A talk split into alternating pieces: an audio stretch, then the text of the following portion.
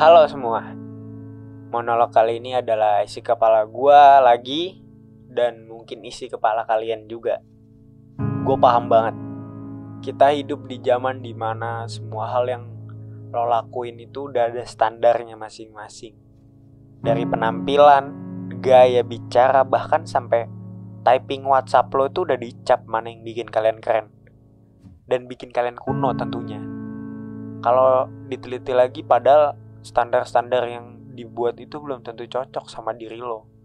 Dan ketika lo mencoba untuk gak ngikutin hal tersebut, orang lain malah jadi ngeliat lo itu aneh. Kok orang lain bisa sedangkan lo enggak gitu. Gue yakin banget beberapa orang yang mencoba untuk tetap ikutin standar itu merasa bahwa jati dirinya tuh udah mulai kekikis. Jujur deh, ketika lo terlalu jauh dengan apa yang lo kejar dan berseberangan dengan kebahagiaan yang aslinya, yang emang bener bikin lo bahagia, lo bakal tersesat men. Dan lo saat tersesat itu lo baru sadar kalau lo itu udah jatuh di jurang yang paling dalam, gelap. Gak ada yang peduli dengan standar apa yang udah lo capai, ngilang gitu aja. Karena orang lain hanya peduli sama apa yang mereka lihat di layar handphonenya, bukan hati lo. Coba deh, lo harus turun langsung ke kehidupan, ke berbagai lapisan masyarakat dari kaum proletar bahkan sampai kaum borjuis.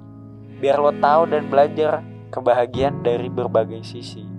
Kadang menurut si A nih, bahagia adalah tentang uang. Terus si B teriak, bahagia nggak melulu pakai uang, coy. Coba kalian saring kata-kata mereka, kalian satuin jadi lo harus bahagia. Ada atau nggak adanya uang, gitu. Contohnya misalnya menjadi versi terbaik di berbagai anak tangga Yang atas maupun yang bawah mempunyai makna atau kebutuhannya masing-masing Kalau nggak ada yang di bawah, mana ada anak tangga di atas satu tingkat Tapi ketika nggak ada anak tangga atas, yang di bawah juga nggak akan ada Karena buat apa dibuat?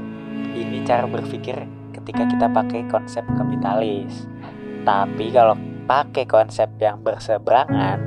Ini contoh sederhana ya. Dengan ini kita bisa sama rata semua bahagia. Gak ada yang harus nanggung kebahagiaan orang lain padahal dia sedang merasakan susah dalam oke oke cukup bahas hal sensitif. Kalian yang dengerin monolog gua dan sekarang berada di area kepala dua atau bahkan di bawahnya mental kalian harus tetap sehat ya.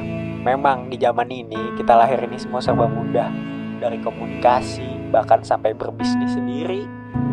Namun karena itulah juga kita jadi gampang sekali hanya memikirkan gimana cara hidup kelak di masa depan. Berbagai rencana semua udah dibuat, namun lupa sama hari ini. Hari-hari yang akan dijalani, lupa untuk tetap bahagia.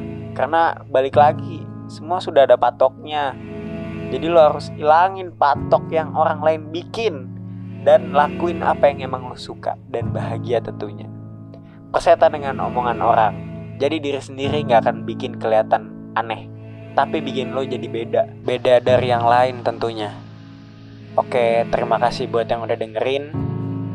Intinya jangan lupa bahagia, tapi bahagia beneran.